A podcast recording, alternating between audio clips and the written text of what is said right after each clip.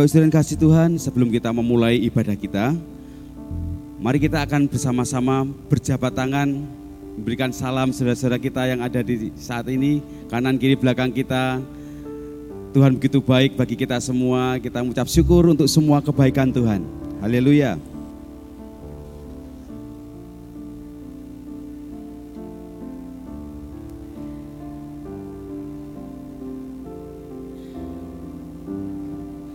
Puji nama Tuhan. Bapak sudah kasih Tuhan, eh, pagi hari ini ada beberapa tamu. Kami boleh mengenalnya dan jemaat semua boleh mengenalnya. Yang pertama Ibu Andri, alamat Telogo Mijen dari GBI Maranata Semarang. Mungkin ada Ibu Andri bisa berdiri biar kami bisa mengenalnya Ibu Andri. Iya, terima kasih Bu Andri. Tuhan berkati. Kemudian yang kedua Ida dari Demak, dari GBI Pamungan. Ada? Bisa berdiri? Selamat pagi Mbak Ida, Tuhan berkati. Bapak kasih Tuhan bisa memperhatikan untuk buletin gereja kita pada minggu ini, bisa memperhatikan untuk jadwal petugas untuk minggu depan di kebaktian doa, kebaktian pagi satu, kebaktian pagi dua, kebaktian bahasa Inggris, dan kebaktian sore. Ada beberapa pengumuman yang kita perlu perhatikan pada minggu-minggu ini. Yang pertama, sekolah minggu kelas pra Indria dan Madya Komsel Dewasa diadakan setiap hari Minggu pukul 7.30 di kelas masing-masing dan kelas OKB jam 8 di kantor gereja. Ada persekutuan WBI GBI Candi akan diadakan pada hari Selasa 11 Juli 2023 pukul 16.30 di gereja. Tema tentang keluarga bahagia Acaranya tentang kesaksian dan diskusi. Kesaksian akan dibawakan oleh seorang ibu yang telah menjadi teladan dan ditutup dengan perjamuan kasih nasi gudangan. Nah, segenap kaum wanita diundang hadir. Ini acaranya enak ini ya. Silakan kaum wanita bisa hadir di persekutuan BBI. Musawarah gereja Muger akan diadakan pada hari Rabu tanggal 12 Juli setelah kebaktian doa segenap jemaat diundang hadir. Pembacaan Alkitab dalam sepekan, Bapak Ibu bisa perhatikan dalam kitab kejadian pasal 27 sampai 30.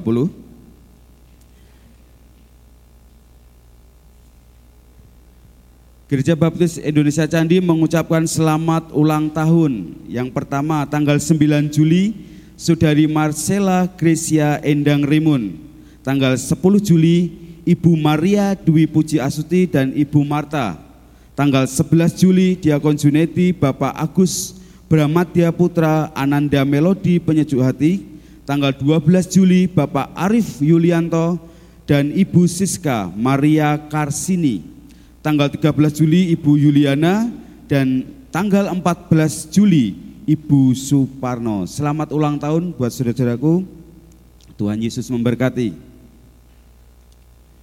Dan mengucapkan terima kasih untuk bunga indah Bapak Jinarso, Ibu Yuni dan Saudara Jiwa Kisto yang sudah menghiasi di dalam ruang ibadah kita. Bapak Ibu kasih Tuhan, mari kita akan menghampiri tata Tuhan, kita akan siapkan hati kita secara khusus, kita mau datang kepada Tuhan dan kita siapkan hati kita untuk menyembah Tuhan. Mari kita akan bersaat teduh sejenak, kita siapkan hati kita kepada Tuhan saat kita mau datang menyembah Tuhan.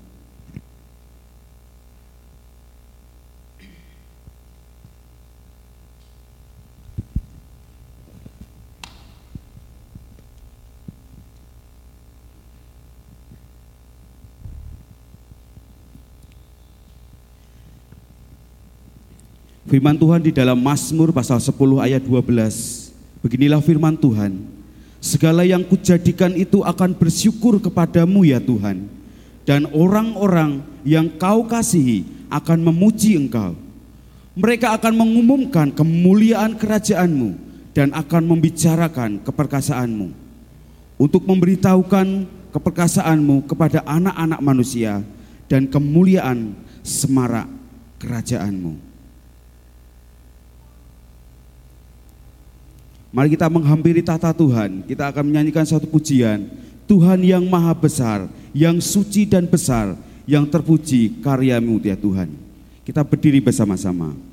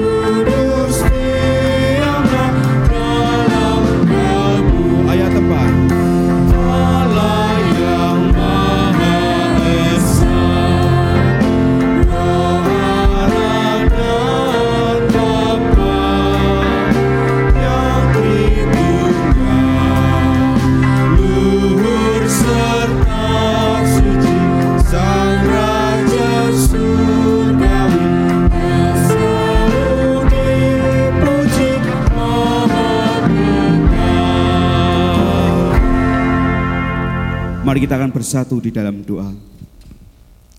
Bapa Surgawi, Tuhan yang kami sembah di dalam nama Tuhan Yesus. Tuhan yang baik di dalam kehidupan kami. Tuhan yang sangat baik dalam segala kehidupan kami Tuhan. Terima kasih ya Tuhan untuk semua kebaikan Tuhan dalam kehidupan kami. Bagaimana Tuhan telah menuntun kami, menolong kami di dalam segala aktivitas kehidupan kami. Hingga saat ini Tuhan, saat kami datang kepada Tuhan, kami ingin bersorak-sorai memuji memuliakan nama Tuhan.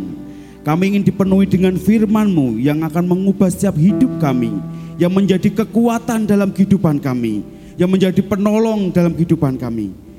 Bapa dalam nama Tuhan Yesus, ampuni segala dosa-dosa kami, apabila dalam semua aktivitas kehidupan kami, kehidupan kami tidak berkenan kepada Tuhan. Ampuni kami dan layakkan kami Tuhan, saat kami datang kepada Tuhan dengan segala kerendahan hati kami, dengan segala kelemahan kami, kami sujud di altar Tuhan. Bawa hati kami Tuhan lebih dekat dengan Tuhan. Bawa kami Tuhan untuk merasakan hadirat Tuhan di dalam kehidupan kami secara pribadi.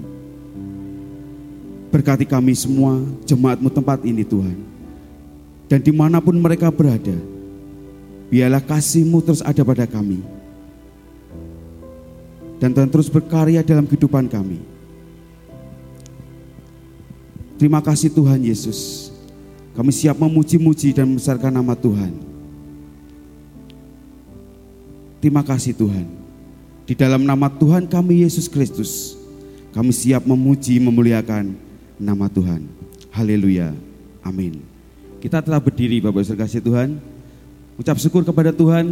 Tema gereja kita bagaimana keluarga yang saling mengasihi dan melayani. Kita akan membaca ayat tema kita dengan penuh semangat ya. Satu, dua, tiga. Keluarga yang saling mengasihi dan melayani. Maleakhi 3 ayat 17. Sekali lagi. Satu, dua, tiga. keluarga yang saling mengasihi dan, dan melayani. saling melayani. Maleakhi 3 ayat, Ayat 17. Puji nama Tuhan.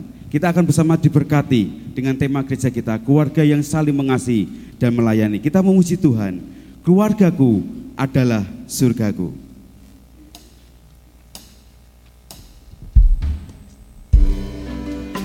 Biarlah ini menjadi sebuah pujian dan doa dalam kehidupan kita pribadi.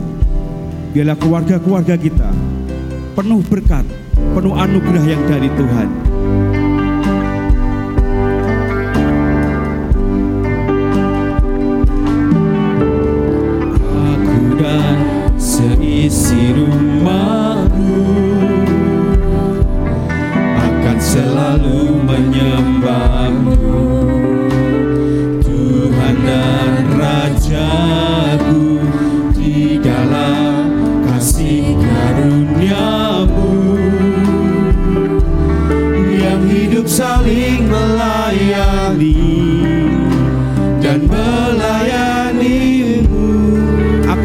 Aku dan seisi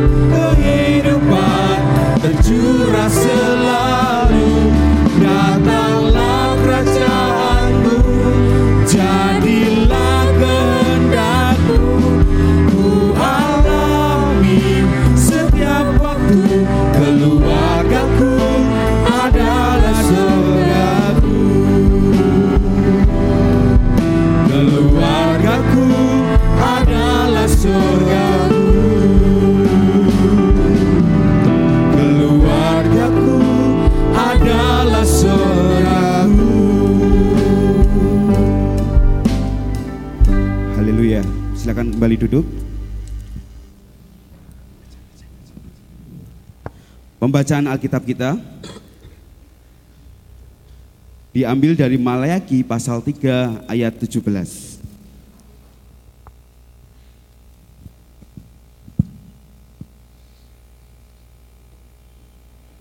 Maleaki pasal 3 ayat 17.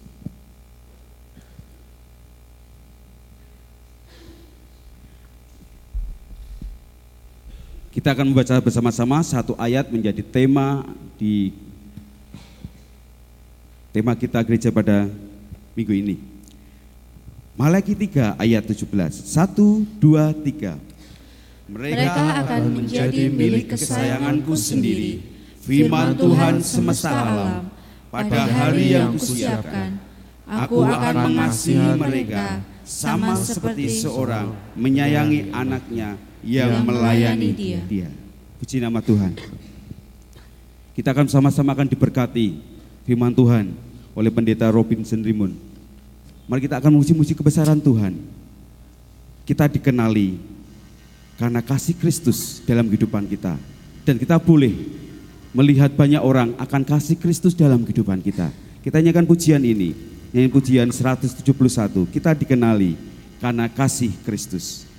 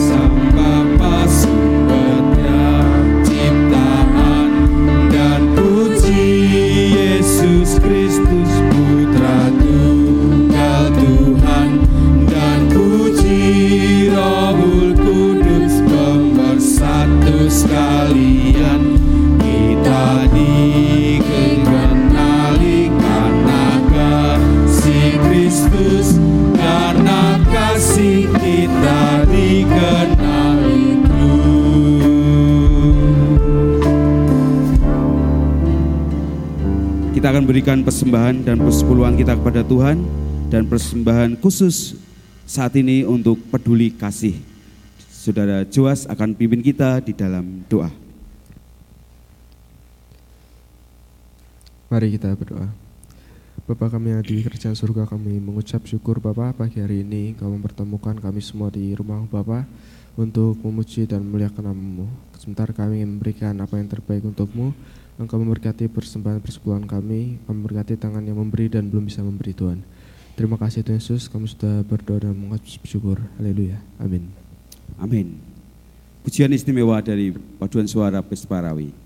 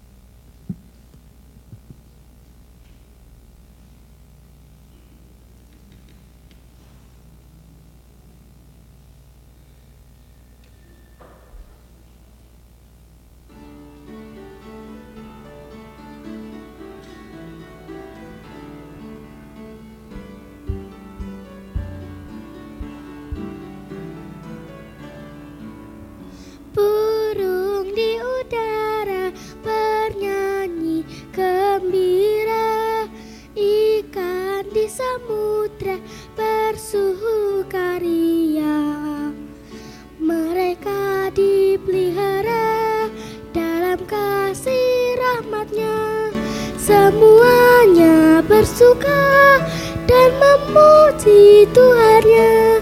Segala yang bernafas memuji, muji Tuhan Karena berkatnya. Tak berkehal sudah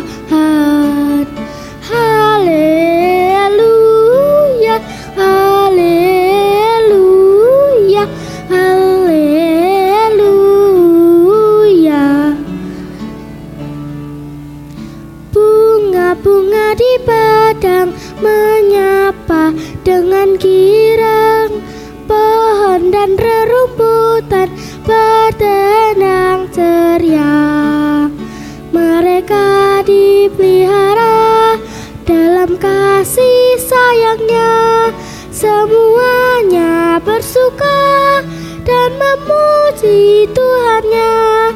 Segala yang bernafas memuji Muji Tuhan. Karena berkatnya tak berkah sudah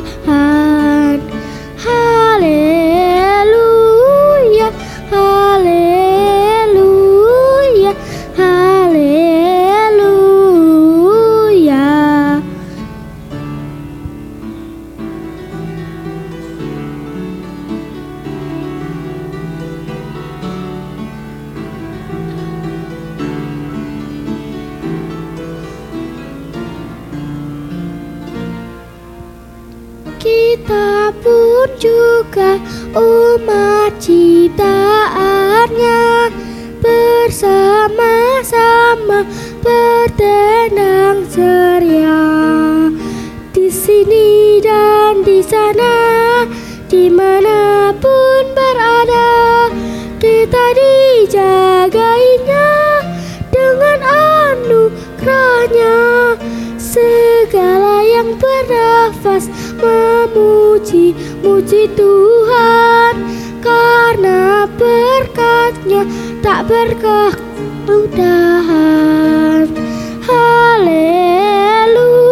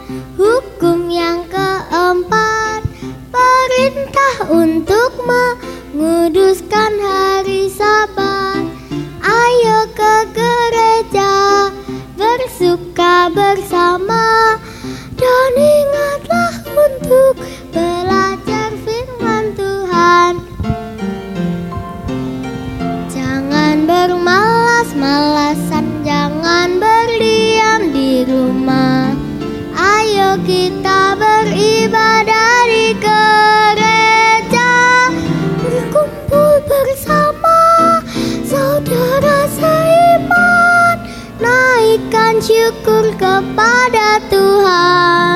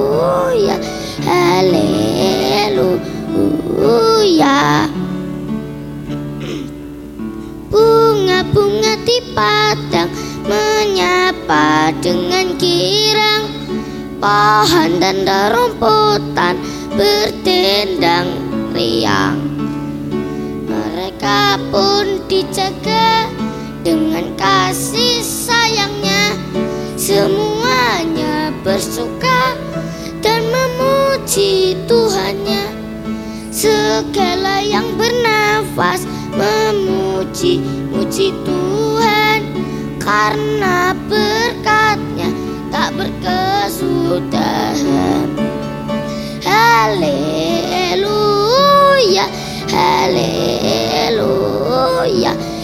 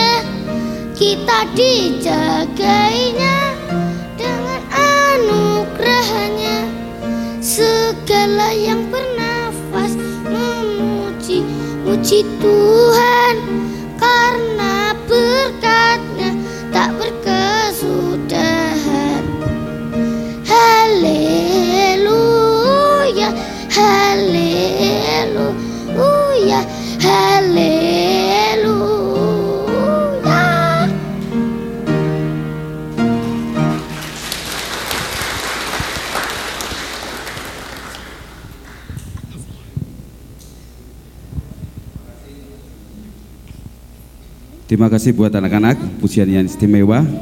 Berbuat kasih Tuhan.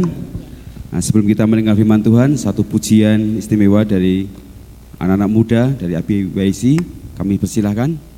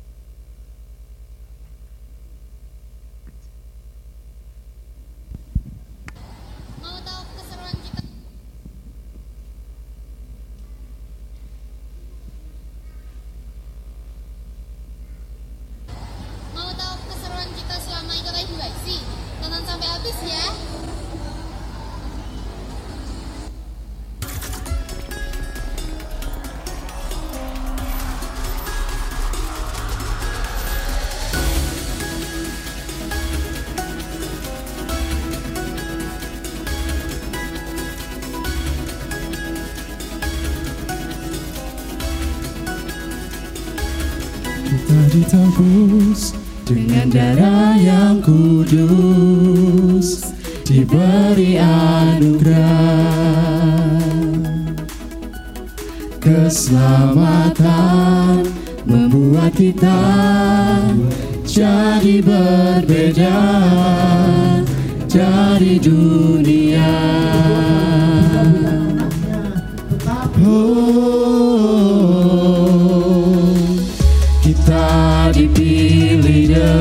satu tujuan. Dengar turut panggilannya. Teruslah bercahaya. Jadi terang untuk bangsa Gelorakan karunia. Jadi saksi bagi dia Tak cukup hanya ada Terus menyala dan tak padam. Beri yang terbaik Untuk kemuliaannya.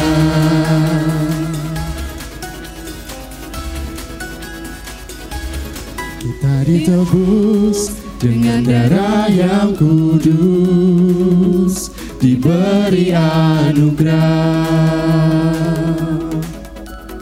Keselamatan membuat kita jadi berbeda dari dunia. Oh, kita dipilih dengan satu tujuan. Dengar turut panggilannya Teruslah bercahaya. Jadi terang untuk bangsa Gelorakan karunia. Jadi saksi bagi dia Tak cukup hanya ada. Terus menyala dan tak padam Beri yang terbaik untuk kemuliaannya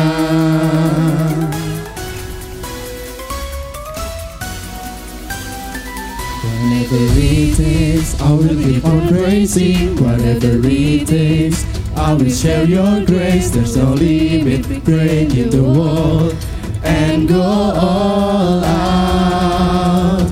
Whatever it takes, I will keep on praising. Whatever it takes, I will share your grace. There's no limit, breaking the wall and go all out.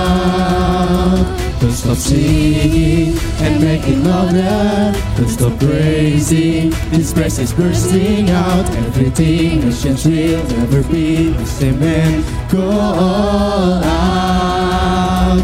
Don't stop singing and make it louder. Don't stop praising. This praise is bursting out. Everything nations will never be the same. And go all out. Teruslah bercahaya. Jadi terang untuk bangsa Gelorakan karunia. Jadi saksi bagi dia Tak cukup hanya ada. Terus menyala dan tak padam Beri yang terbaik Untuk kemuliaannya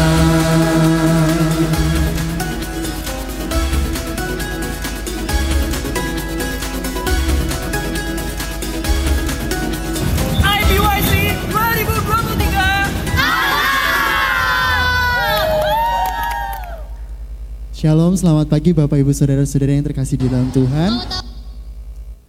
Eh, berikut video yang kami tampilkan tadi adalah sedikit cuplikan dari setiap kegiatan yang kami ikuti di IBYC International Baptist Youth eh, Conference di Surabaya yang dilaksanakan di Geraha Unesa di tanggal 29 Juni sampai dengan 1 Juli.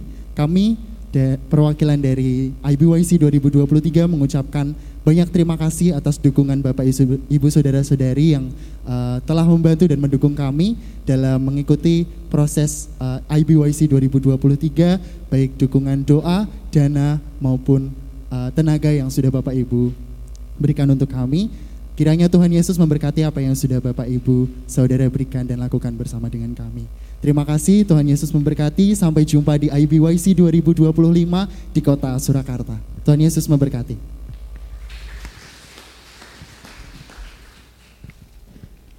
Terima kasih untuk anak-anak muda, teruslah bersinar di dalam Tuhan. Bapak Ibu kasih Tuhan, mari kita akan siapkan hati kita, tiba saatnya kita mau dengar firman Tuhan. Firman yang selalu menjadi kekuatan dalam hidup kita, yang selalu menjadi sumber di dalam jiwa kita, dalam segala kehidupan kita. Biarlah firman itu terus tetap dalam kehidupan kita, dan terus bertumbuh dalam kehidupan kita dan kita semakin berbuah di dalam dia. Mari kita berdiri bersama-sama dengan sayapmu. Biarlah pujian ini akan membawa kita bersama-sama untuk menyiapkan hati kita dengar firman Tuhan.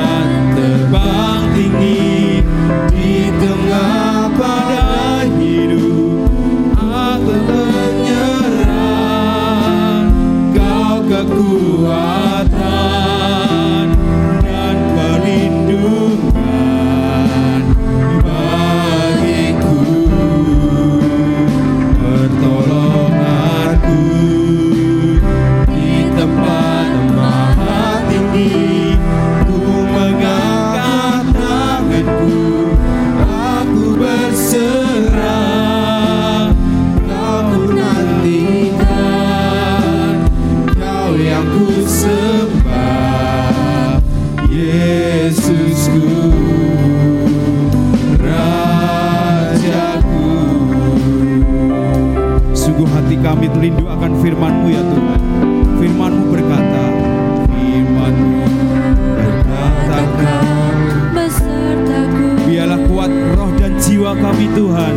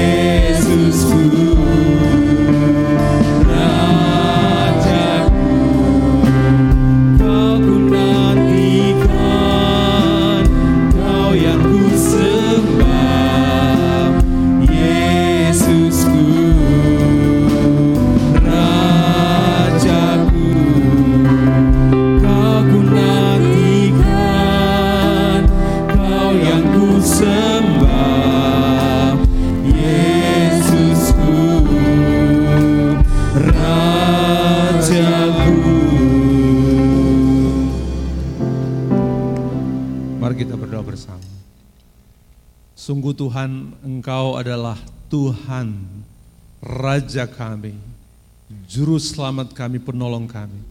Kau yang engkau, ka- kau yang sungguh kami nantikan setiap saat. Engkau Tuhan yang kami nantikan dalam segala waktu dan kami mohon pertolonganmu Tuhan dari Engkau dari surga turun ke atas kami dengan kebenaran firman Tuhan yang berasal daripada Engkau sendiri. Dan Engkau Allah Roh Kudus yang memampukan kami memahami dan hambamu menjadi saluran kebenaran firman-Mu.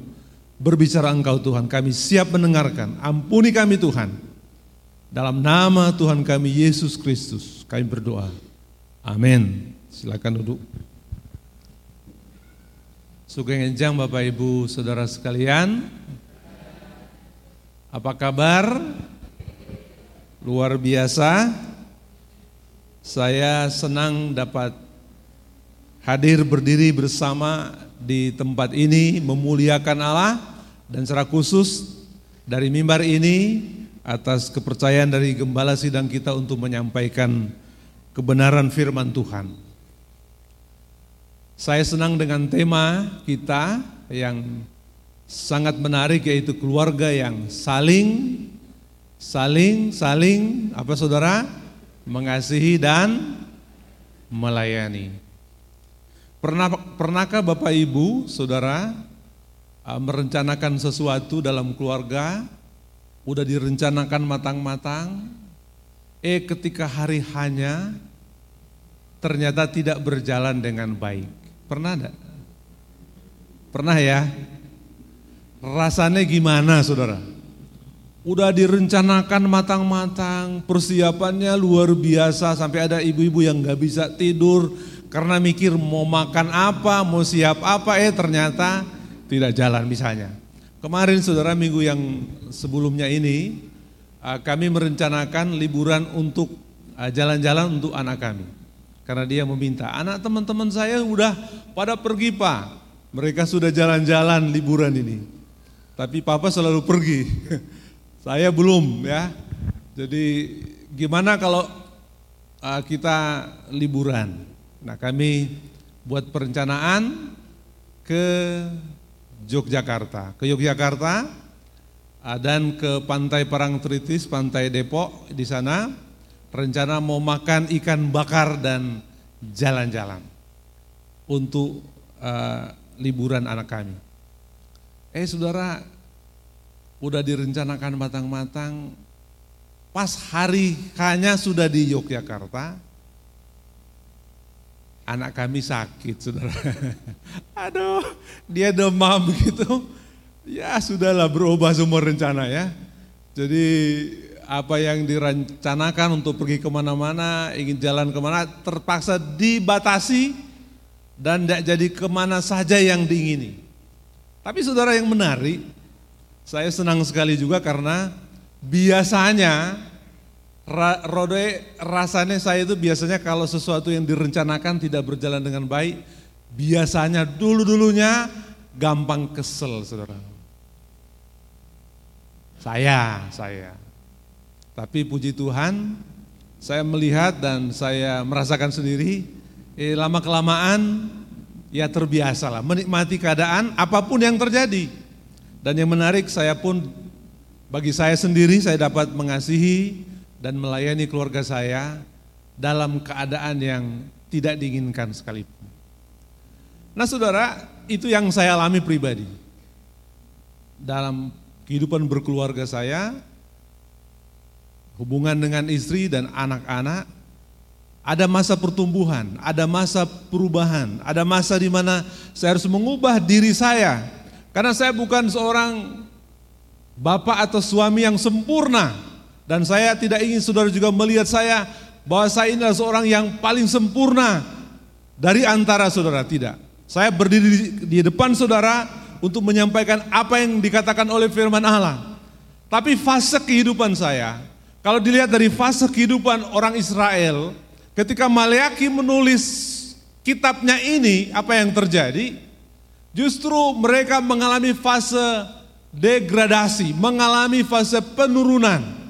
Belum lama ini, orang-orang Israel yang kembali dari pembuangan, Tuhan merestorasi mereka, Tuhan memulihkan bangsa Israel yang berada di tanah pembuangan.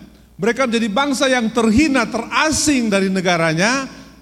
Ketika mereka kembali, Tuhan memulihkan mereka dengan mereka dimampukan membangun tembok Yerusalem yang rusak, memperbaiki rumah ibadah, bait Allah mereka. Dan terjadi kebangunan rohani yang luar biasa di antara bangsa Israel pada waktu itu. Tetapi saudara, beberapa tahun kemudian setelah terjadi kebangunan rohani dan perubahan yang luar biasa, justru bangsa Israel mengalami penurunan.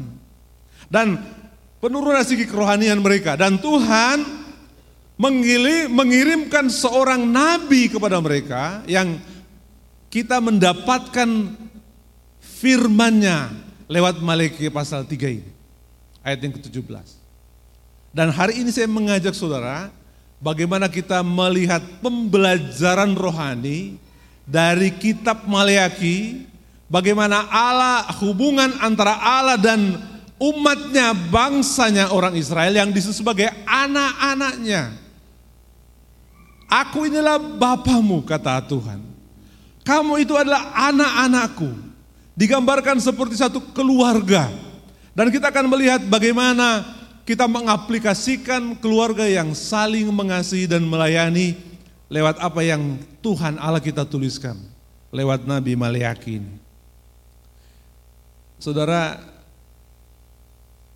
ketika ma malaikat Tuhan datang kepada Nabi, ketika firman Allah diturunkan, diberikan, dinyatakan kepada seorang Nabi atau Nabiah, maka Tuhan menginginkan sesuatu perubahan rata-rata atau apa yang terjadi biasanya perjanjian lama, perjanjian baru, Allah menginginkan satu idealisme, satu keadaan yang ideal dari umat. Maka kalau aku menyatakan firman kepadamu, maka kamu akan mengalami perubahan dengan mengaku kesalahanmu. Tuhan menginginkan ada pertobatan dalam dirimu. Maka aku akan mengadakan restorasi perubahan. Aku akan mengadakan pemulihan bagi hidup. Demikian juga bagi keluargamu. Nah saudara, yang kita baca tadi adalah ungkapan nubuatan.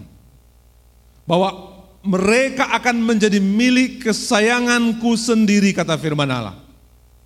Itulah gambaran ungkapan kedatangan Sang Mesias di mana Tuhan memulihkan hubungan Allah dan umatnya lewat penembusan karya keselamatan yang digenapi oleh Yesus Kristus Sang Mesias itu.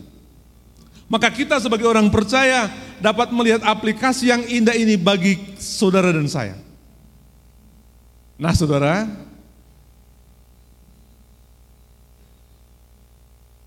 Tuhan berkata kepada mereka, Aku tuh mengasihimu Saudara, kalau melihat hubungan, Tuhan menginginkan hubungan itu bukan hanya Allah mengasihimu, tapi juga kamu mengasihiku Allah, kata Tuhan.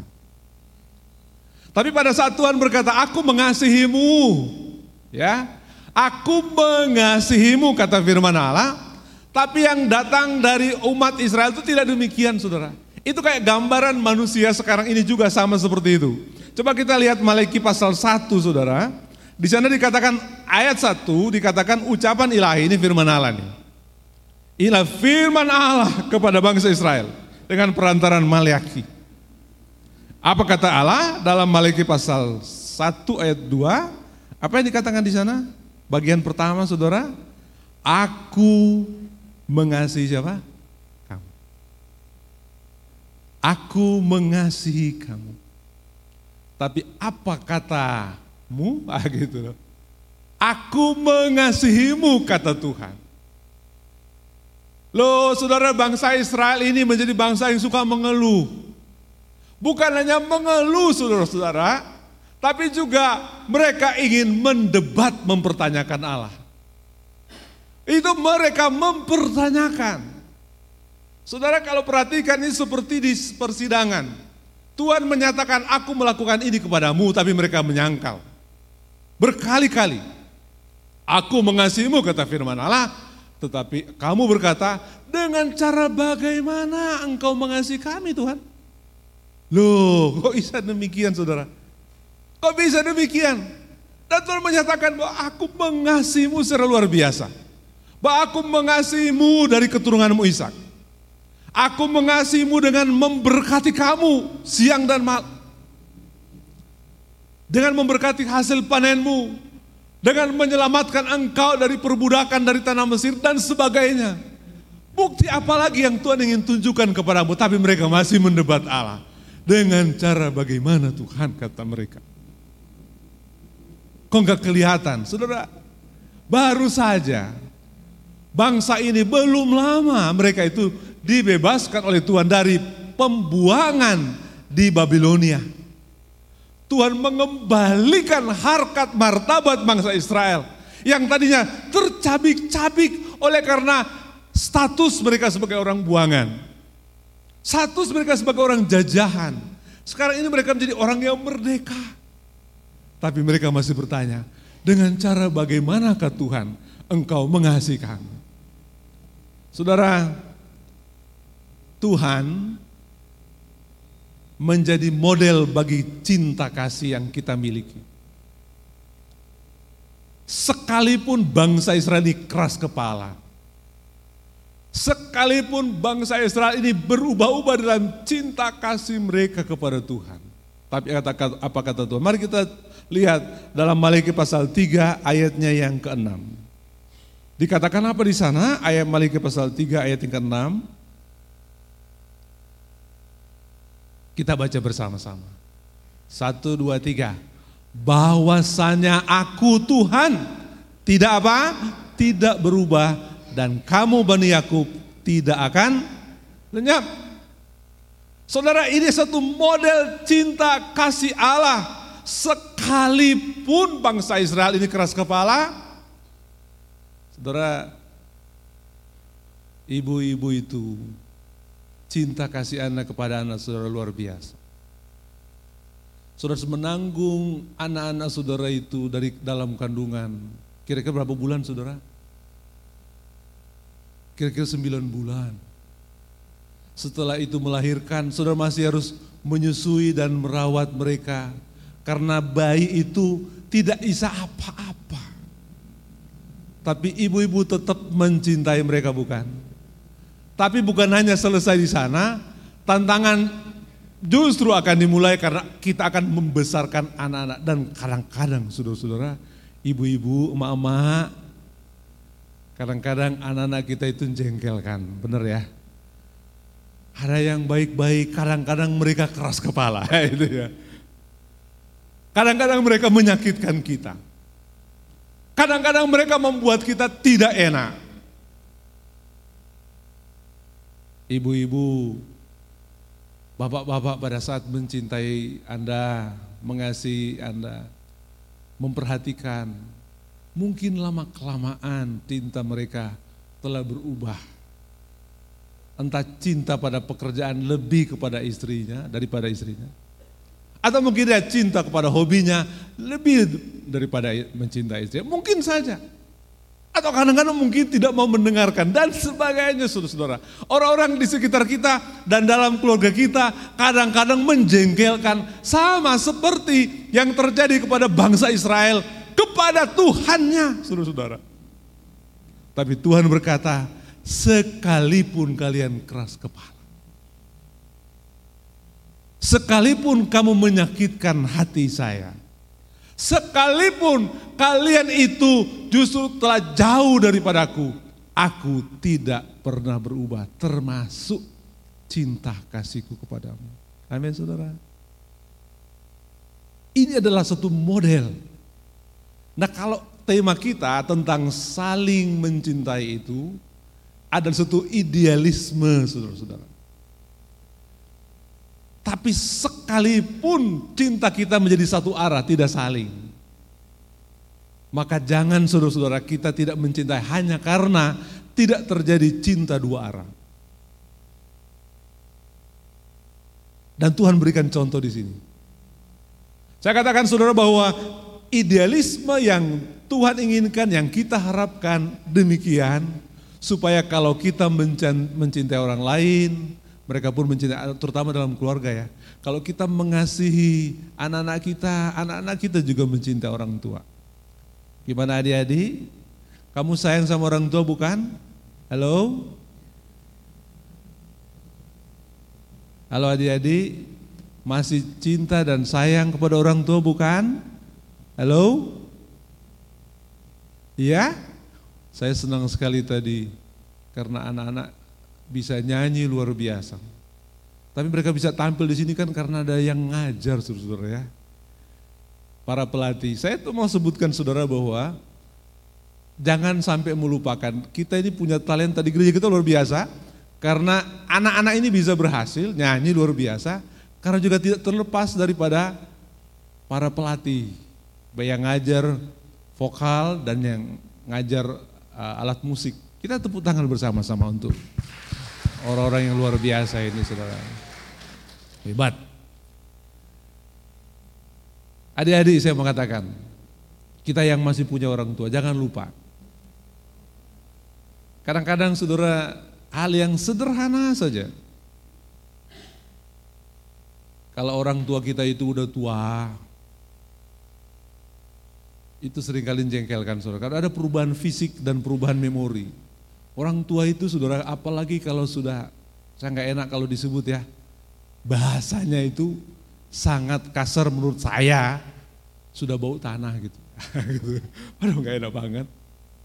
Itu biasanya saudara, itu ngomongin terus gitu loh. Saya tuh, aduh Ibu saya udah 82 tahun, saya senang bisa berjumpa dengan beliau berapa minggu yang lalu. Dan kadang-kadang ibu saya itu masih omongan sesuatu yang sudah berkali-kali disampaikan pada saya. Berkali-kali. Dan hari ini dia ngomong, besoknya masih ngomong yang sama juga. Ada yang bagus, ada juga yang gak bagus. Saudara. Tetapi saudara, ini tetap ibuku. Amin saudara. Aku akan tetap mengasihimu sekalipun omonganmu mungkin kadang masih sama, yang juga sama menyakitkan misalnya gitu ya kan. Jadi sama seperti Tuhan berkata demikian dalam ayat ini saudara, Malaikat 36, bahwasanya aku Tuhan tidak berubah dan kamu tidak akan lenyap. Mana aku? Oh saudara, Kadang saudara ada orang tua itu yang saking jengkelnya sama anaknya. Dia udah janji, tapi Tuhan tidak demikian. Oh, rasain lo. Aku kan udah bilang, mampus kamu. Aduh, aduh, aduh saudara sayang sekali. Kalau ada bapak-bapak saking jengkelnya kepada anaknya, mungkin teriak, mungkin anaknya mungkin kesandung atau mungkin kecelakaan atau melakukan sesuatu kan ada konsekuensinya.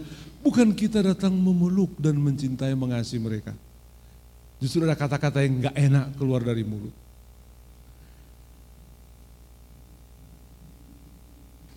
Tuhan saudara memberikan contoh yang indah. Di mana Tuhan ingin sama seperti kita. Juga demikian untuk mencintai sama seperti Allah.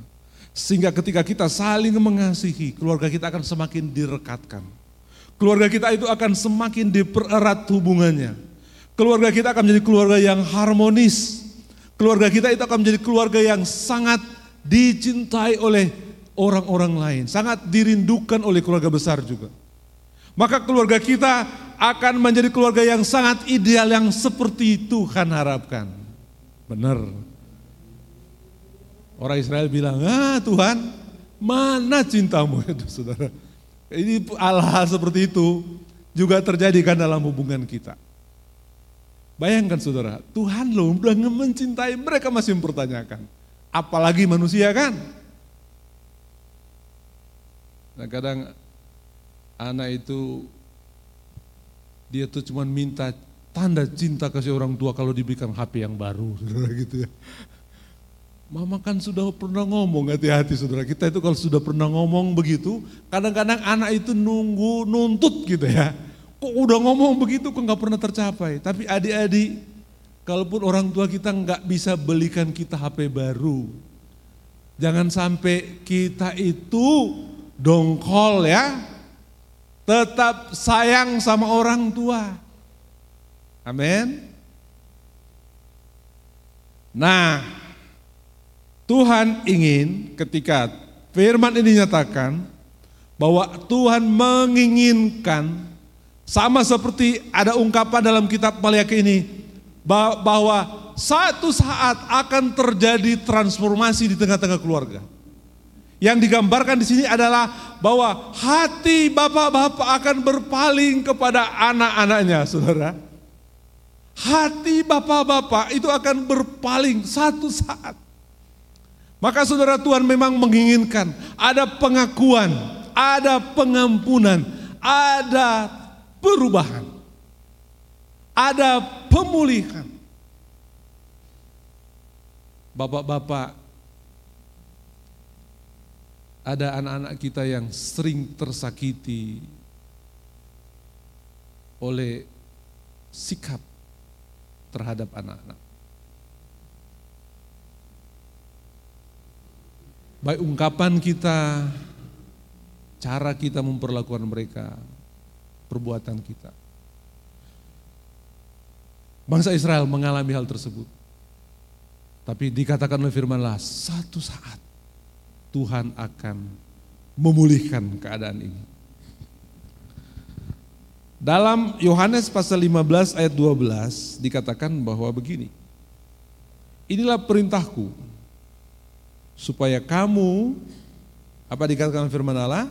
Supaya kamu saling mengasihi seperti aku telah mengasihi kamu. Maka inilah suatu perintah saudara, inilah imperatif namanya.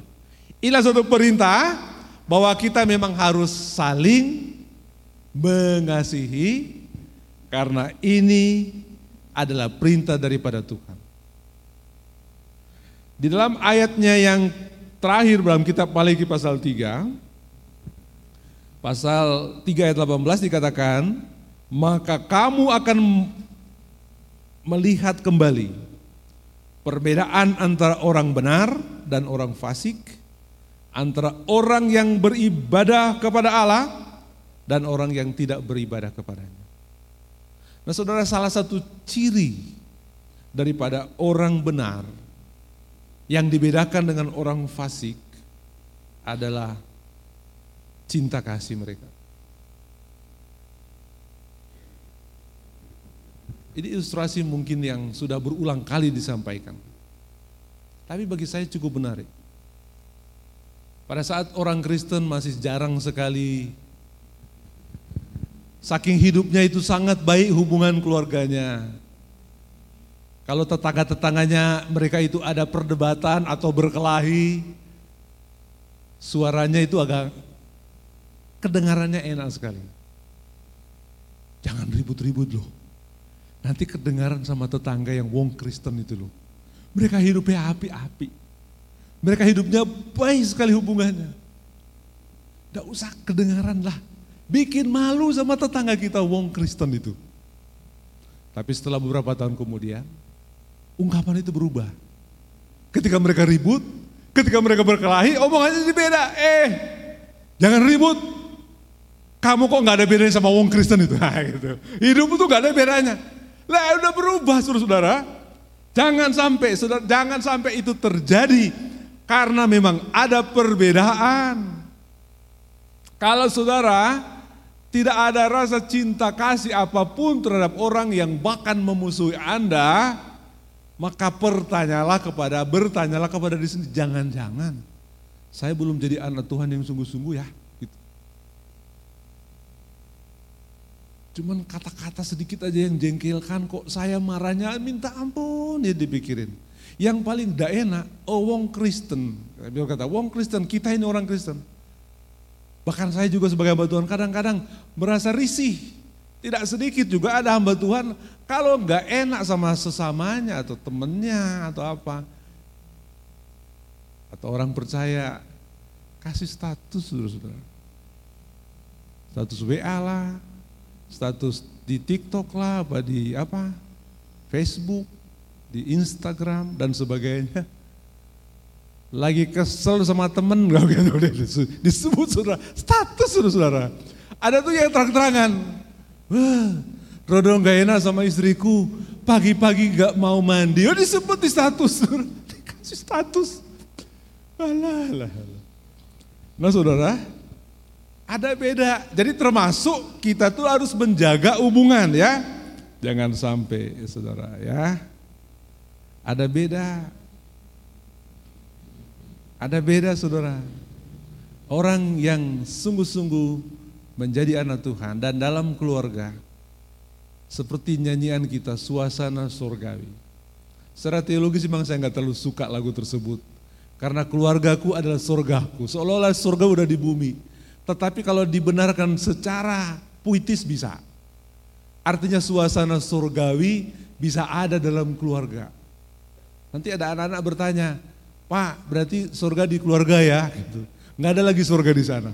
Dijelaskan, ini bahasa puitis. Ada surga di sana, tapi suasana surgawi bisa dirasakan gitu kira-kira. Nah, saudara-saudara, bagaimana suasana surgawi dirasakan kalau cinta itu nggak ada? Nah, itu kan bahaya. Nah, di sini saudara ada nyata juga dikatakan ayat 18, orang benar dan orang fasik bedanya mereka orang benar adalah orang-orang yang beribadah, menyembah Tuhan. Kerinduannya demikian.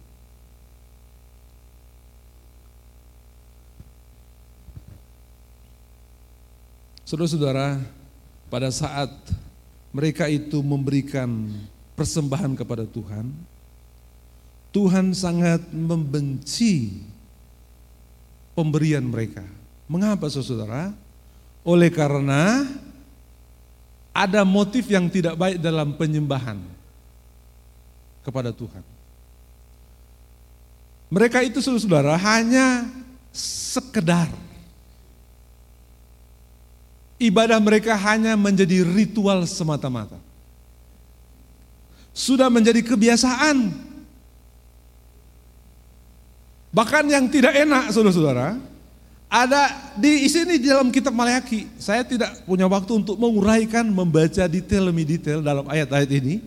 Tetapi saudara, ada orang yang terlibat dalam pelayanan, termasuk para imam, para pendeta dalam tanda petik, yang ada pada masa itu. Mereka itu melakukan pelayanan untuk kepentingan pribadi.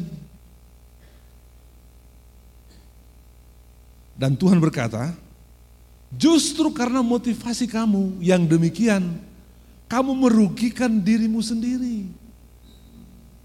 Karena hubunganmu denganku itu bukan hubungan yang benar, bukan hubungan transformatif, hubungan yang mengubahkan, hubungan yang membahagiakan. Justru saya tidak menerima pemberianmu. Tuhan berkata bahwa kamu tuh membawa persembahan. Hei, lihat dulu dong, aku memberi kamu yang terbaik. Maka kamu pun harus memberi yang terbaik kepadaku. Dan mereka, mereka masih bertanya, Tuhan, Tuhan ngasih apa ke kami? Gitu loh. Ini ada hubungan yang tidak enak. Mereka mendebat Tuhan. Dan Tuhan berkata, itu loh yang kamu persembahkan. Itu domba yang kamu persembahkan itu. Domba yang sakit-sakitan. Bukan yang terbaik kepada Tuhan. Dan Tuhan berkata, jangan sampai hal tersebut masih dimiliki oleh Anda. Yang menarik saudara-saudara, yang menarik adalah orang-orang Israel ini justru membela keberdosaan mereka. Membela, di mana kesalahan kami Tuhan, kayak gitu loh. Salahku di mana gitu loh. Dalam hubungan suami istri, dalam hubungan anak dengan orang tua, Kadang-kadang kita harus terbuka kan? Nah, sayang ya, mah, pah, kamu melakukan ini yang gak enak gitu loh. Udah diberitahu masih ngeyel lagi ya. Sama seperti orang Israel ini. Buktikan mana kesalahanku. Emang demikian? Loh saudara, ini yang Tuhan tidak inginkan. Yang Tuhan inginkan kepada bangsa Israel. Sama seperti dalam hubungan. Tidak mau kesalahan diungkapkan, tidak mau pengakuan disampaikan, tidak mau ada hubungan yang kembali baik, bahkan masih saling mengeraskan satu dengan yang lain. Saudara-saudara, satu kenyataan yang sangat tidak mengingat, mengenakan, bahwa bukan hanya orang-orang itu sikapnya yang tidak baik ada di luar sana, tapi juga tidak sedikit orang-orang yang bergereja. Ke gereja ya rajin, tetapi hubungan dalam keluarga, keretakan dalam keluarga tidak diselesaikan. Tidak mau saling melayani. Ada ibu-ibu saudara, rajin ke gereja, tapi di rumahnya dia hanya mau melayani suami, hanya memberi makan saja. Maksudnya memasak. Selebihnya tidak. Komunikasi tidak ada. Ada anak-anak yang putus hubungan dengan orang tua tapi masih rajin ke gereja. Amin, tidak apa-apa. Oh enggak, Tuhan berkata, oh itu masalah. Itu masalah. Lo kamu memberikan persembahan kepadaku, kamu datang beribadah kepadaku, maka kamu juga harus menyatakan memberi yang terbaik. Bukannya memberi persembahan yang aku inginkan. Persembahan tubuhmu, kata firman Allah. Maka aku juga menginginkan perubahan hidupmu, itu sebabnya kata Tuhan. Kalau Anda akan memberikan persembahan kepadaku, aku, engkau akan datang menyembah kepadaku di bait Allah, di rumah ibadah, tapi kamu masih kepikiran ada yang belum diselesaikan di rumah, eh selesaikan dulu baru datang. Karena Tuhan menginginkan supaya jangan sampai persembahan rohani kita, pelayanan kita justru dicemarkan oleh oleh sikap saudara dan saya. Saya nggak tahu saudara-saudara, apa yang saudara sedang alami saat ini. Apakah saudara sedang mengalami degradasi atau penurunan dalam hubungan dengan Allah, hubungan dengan sesama, hubungan dengan anggota keluarga saudara? Saya tidak tahu. Jikalau seperti yang digambarkan oleh malaikat ini, hati bapak-bapak belum berpaling kepada anak-anaknya. Misalnya bapak-bapak masih kasar terhadap anak-anaknya. Masih kurang peduli kepada anak-anaknya. Masih membiarkan mereka. Tidak mengajar mereka dalam hal firman Allah. Tidak mengajak mereka untuk berdoa. Tidak mengajak mereka untuk beribadah. Ataupun orang tua yang tidak peduli kepada anaknya atau kepada pasangannya.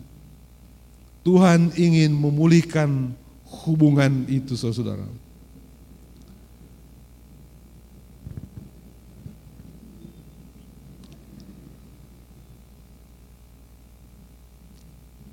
Saya ingin meminta waktu saudara.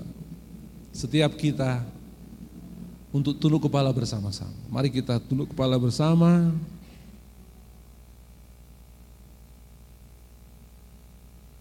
Ambil momen, ambil waktu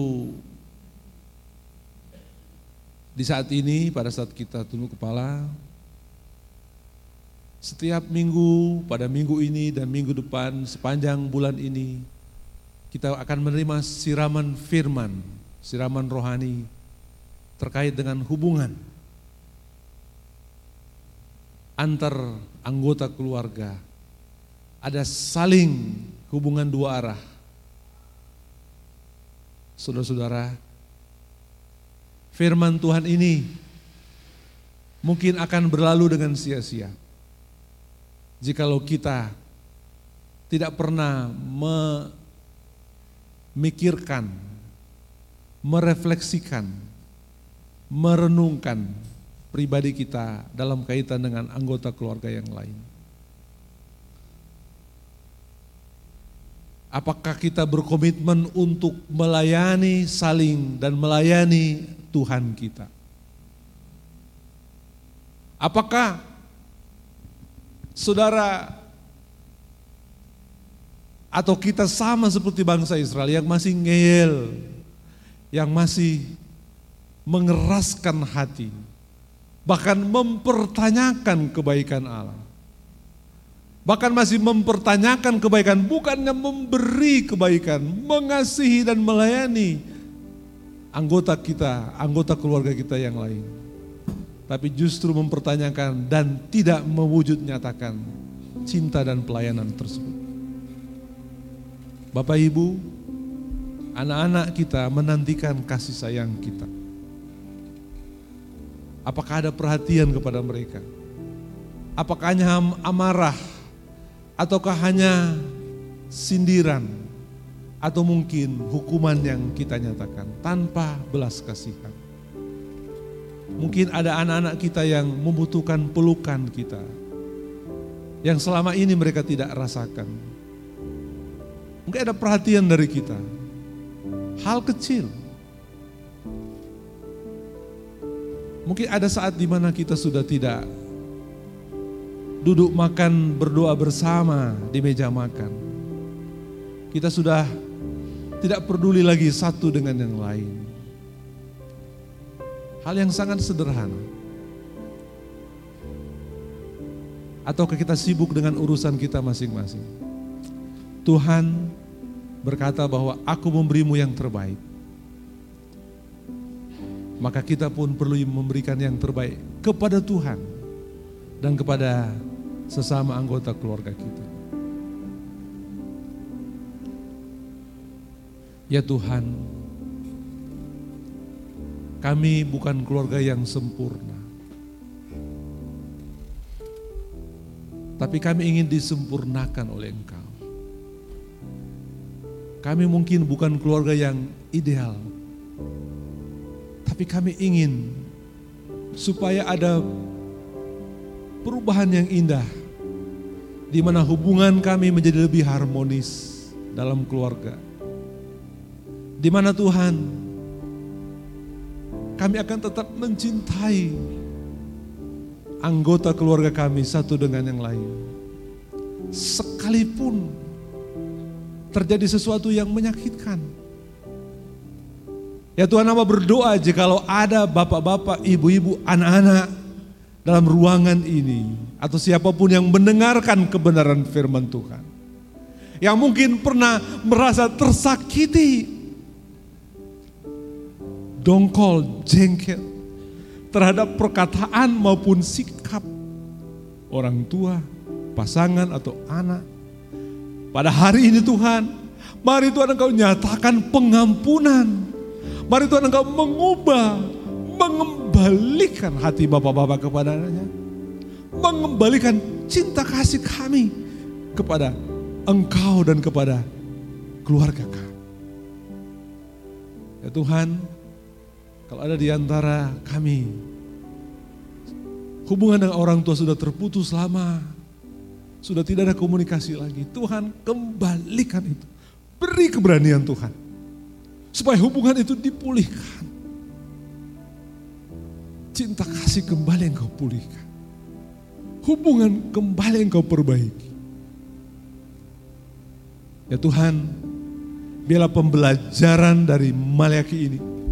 Firman yang disampaikan kepada bangsa Israel. Justru kami tidak akan mengikuti seperti yang terjadi kepada bangsa Israel mempertanyakan Tuhan, bahkan menjauhkan diri daripada Engkau. Tidak mau melayani Engkau dengan baik. Terima kasih Tuhan atas firman. Bela kami pulang dengan membawa berkat, membawa firman ini, firman yang kami nyatakan, firman yang diurapi, dan firman yang memberkati kami hari demi hari. Baik secara pribadi, maupun dalam keluarga kami dan kehidupan bergereja kami satu dengan yang lain. Dalam nama Yesus Tuhan kami kami berdoa. Amin. Tuhan memberkati.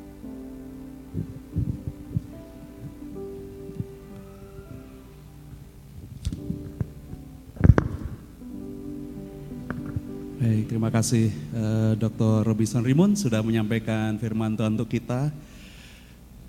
Mari saudara-saudara kita akan berdiri bersama-sama, kita akan berdoa syafa dan menutup dengan doa berkat.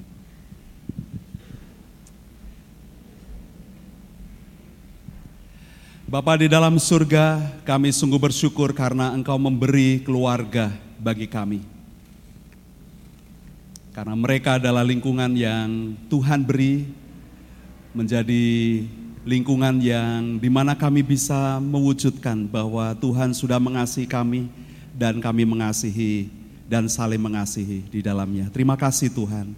Terima kasih biarlah firman-Mu membentuk kami dan firman-Mu menjadi pedoman bagi keluarga kami. Kami saat ini ingin berdoa secara khusus untuk bangsa kami, terutama beberapa bencana yang sudah terjadi baik di uh, Lumajang uh, karena uh, banjir lahar dingin dan juga gempa di Bantul dan kami mohon Bapak Engkau memberkati pemerintah kami dalam mereka merehabilitasi, memulihkan khususnya sarana-sarana publik yang diperlukan karena uh, rusak, karena hancur dan biarlah itu dapat memperlancar kembali segala uh, urusan baik secara sosial, secara ekonomi, uh, supaya bangsa kami dan terutama saudara-saudara kami yang daerahnya sedang dilanda dengan bencana, mereka akan mengalami pemulihan, kekuatan, penghiburan, eh, beberapa korban, beberapa eh, rumah yang eh, rusak dan biarlah semua dapat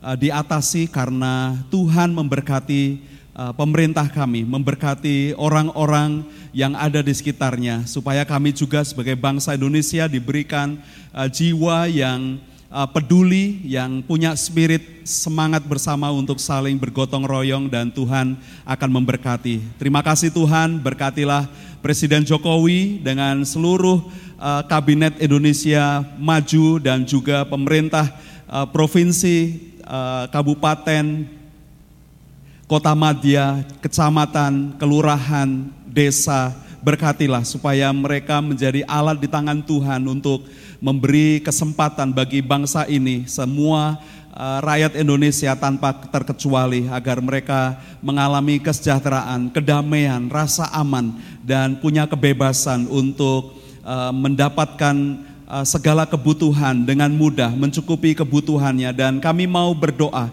kepadamu bergantung pada Tuhan akan rahmat dan kasih setiamu atas bangsa kami. Sehingga bangsa kami juga bisa menjadi berkat bagi bangsa-bangsa lain yang dilanda dengan krisis uh, baik perdamaian, krisis ekonomi, uh, krisis pangan, krisis keuangan. Uh, berkatilah supaya sungguh juga dapat menjadi pendorong bagi pergerakan kemajuan baik secara ekonomi dan sosial. Terima kasih Tuhan, terima kasih kami berdoa untuk gereja ini supaya kami semua bisa melayani Tuhan dengan lebih baik, melayani dalam uh, bidang misi dan diakonia dan dipakai juga sekolah kami untuk menjadi berkat bagi bangsa kami membangun manusia Indonesia seutuhnya. Tuhan akan pakai compassion kami sehingga kami juga bisa memuridkan penerima manfaat dan keluarga-keluarga di dalamnya, di dalam jalan Tuhan dan Tuhan akan berkati gereja ini untuk menjadi berkat bagi banyak orang. Inilah doa dan permohonan kami di dalam nama Tuhan Yesus Kristus kami berdoa. Jemaat Tuhan pulanglah, bawalah berkat dan kasih sayang dari Bapa di dalam Tuhan Yesus Kristus dan Roh Kudus dengarkanlah dia maka dia akan memberitahukan jalan-jalannya kepadamu sehingga engkau diberkati. Diberkati dengan kasih dan sukacita, kebajikan dan kemurahan Tuhan akan mengikutimu ke mana pun kau pergi. Engkau akan diberkati dengan kesehatan, perlindungan dari segala macam penyakit dan bahaya. Dia akan memberkatimu dengan anak-anak keturunanmu akan menjadi berkat bagi bangsa-bangsa. Dia akan memeliharakan kehidupanmu secara total, melimpahkan rezeki dengan murah hati, dan setiap tangan-tanganmu yang bekerja diberikan keterampilan, keberhasilan, dan keberuntungan. Dan saksikanlah pada orang lain apa yang sudah Bapamu perbuat dalam kehidupanmu sehingga orang melihat perbuatan Bapamu yang baik dan ajaib itu dan mereka juga menyembah Bapamu yang di sorga. Terima kasih Tuhan Yesus, kami berikan ibadah kami, korban syukur dan puji-pujian hanya untuk Engkau saja, Yesus Kristus, Kepala Gereja kami, dari sekarang sampai selama-lamanya. Haleluya. Amin.